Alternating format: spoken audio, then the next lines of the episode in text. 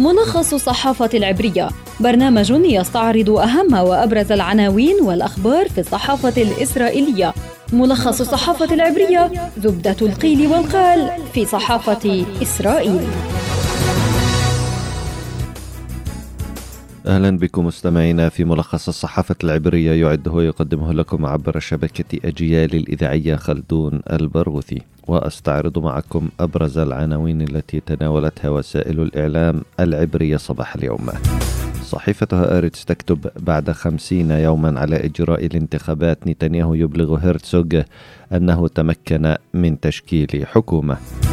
والصهيونية الدينية تعلن أنه تم التوافق على قانون أساس تعليم التوراة. القناة الثالثة عشرة تكتب مسؤولون فلسطينيون حذروا إسرائيل عدم تسليم جثة ناصر أبو حميد سيفجر الوضع.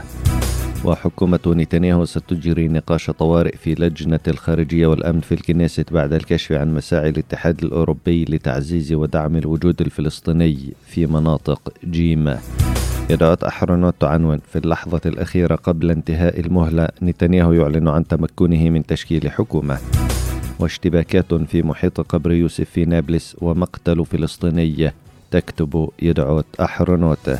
صحيفة إسرائيل هيوم تكتب بعد الاحتجاجات فيلم فرحة خارج قائمة الأفلام المنافسة على جائزة أوسكار لأفضل فيلم أجنبي.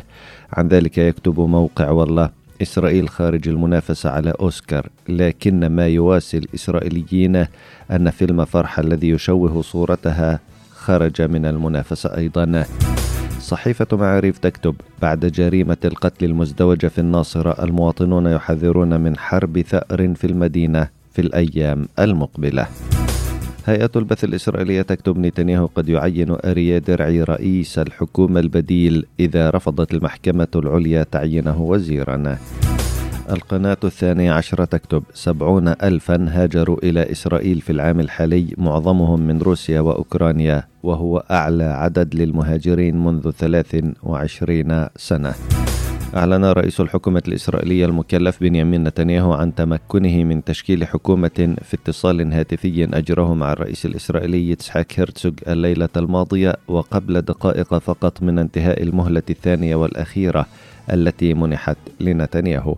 مع ذلك فإن الحكومة لا تزال غير جاهزة. إذ يواجه نتنياهو معضلة توزيع الحقائب الوزارية في حزب الليكود. وأبلغ نتنياهو هيرتسوغ أنه سيعمل على تقديم الحكومة في أسرع وقت خلال الأسبوع المقبل. وكان إيتمار بن غفير هو الذي يعرقل التوقيع على دعمه لتشكيل الحكومة حتى اللحظات الأخيرة. لكنه في النهاية وافق على ذلك بعد حصوله على حق الفيتو لتعطيل القوانين في لجنة التشريعات في الكنيست لكن بعدد محدد من الاعتراضات.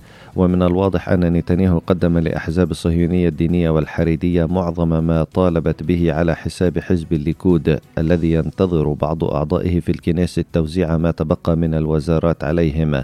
وذكرت هيئة البث الإسرائيلية أنه في حالة رفض المحكمة العليا تعيين زعيم حركة شاس أريا درعي في منصب وزاري بسبب وصمة العار لصدور حكم بالسجن مع وقف التنفيذ ضده.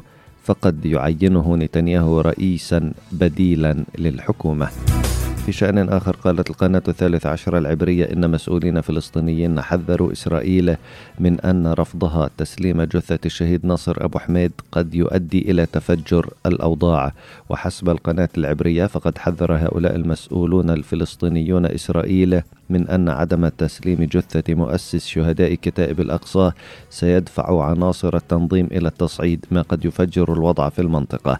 وكان وزير جيش الاحتلال بني جانتس أعلن أمس أنه لن يتم تسليم جثة الشهيد أبو حميد وسيتم احتجازها بناء على قرار سابق لحكومة الاحتلال باحتجاز جثث من يستشهد في سجون الاحتلال من الأسرى. نهاية حلقتنا من ملخص الصحافة العبرية أعدها وقدمها لكم عبر شبكة أجيال الإذاعية خلدون البرغوثي. تحياتي إلى اللقاء.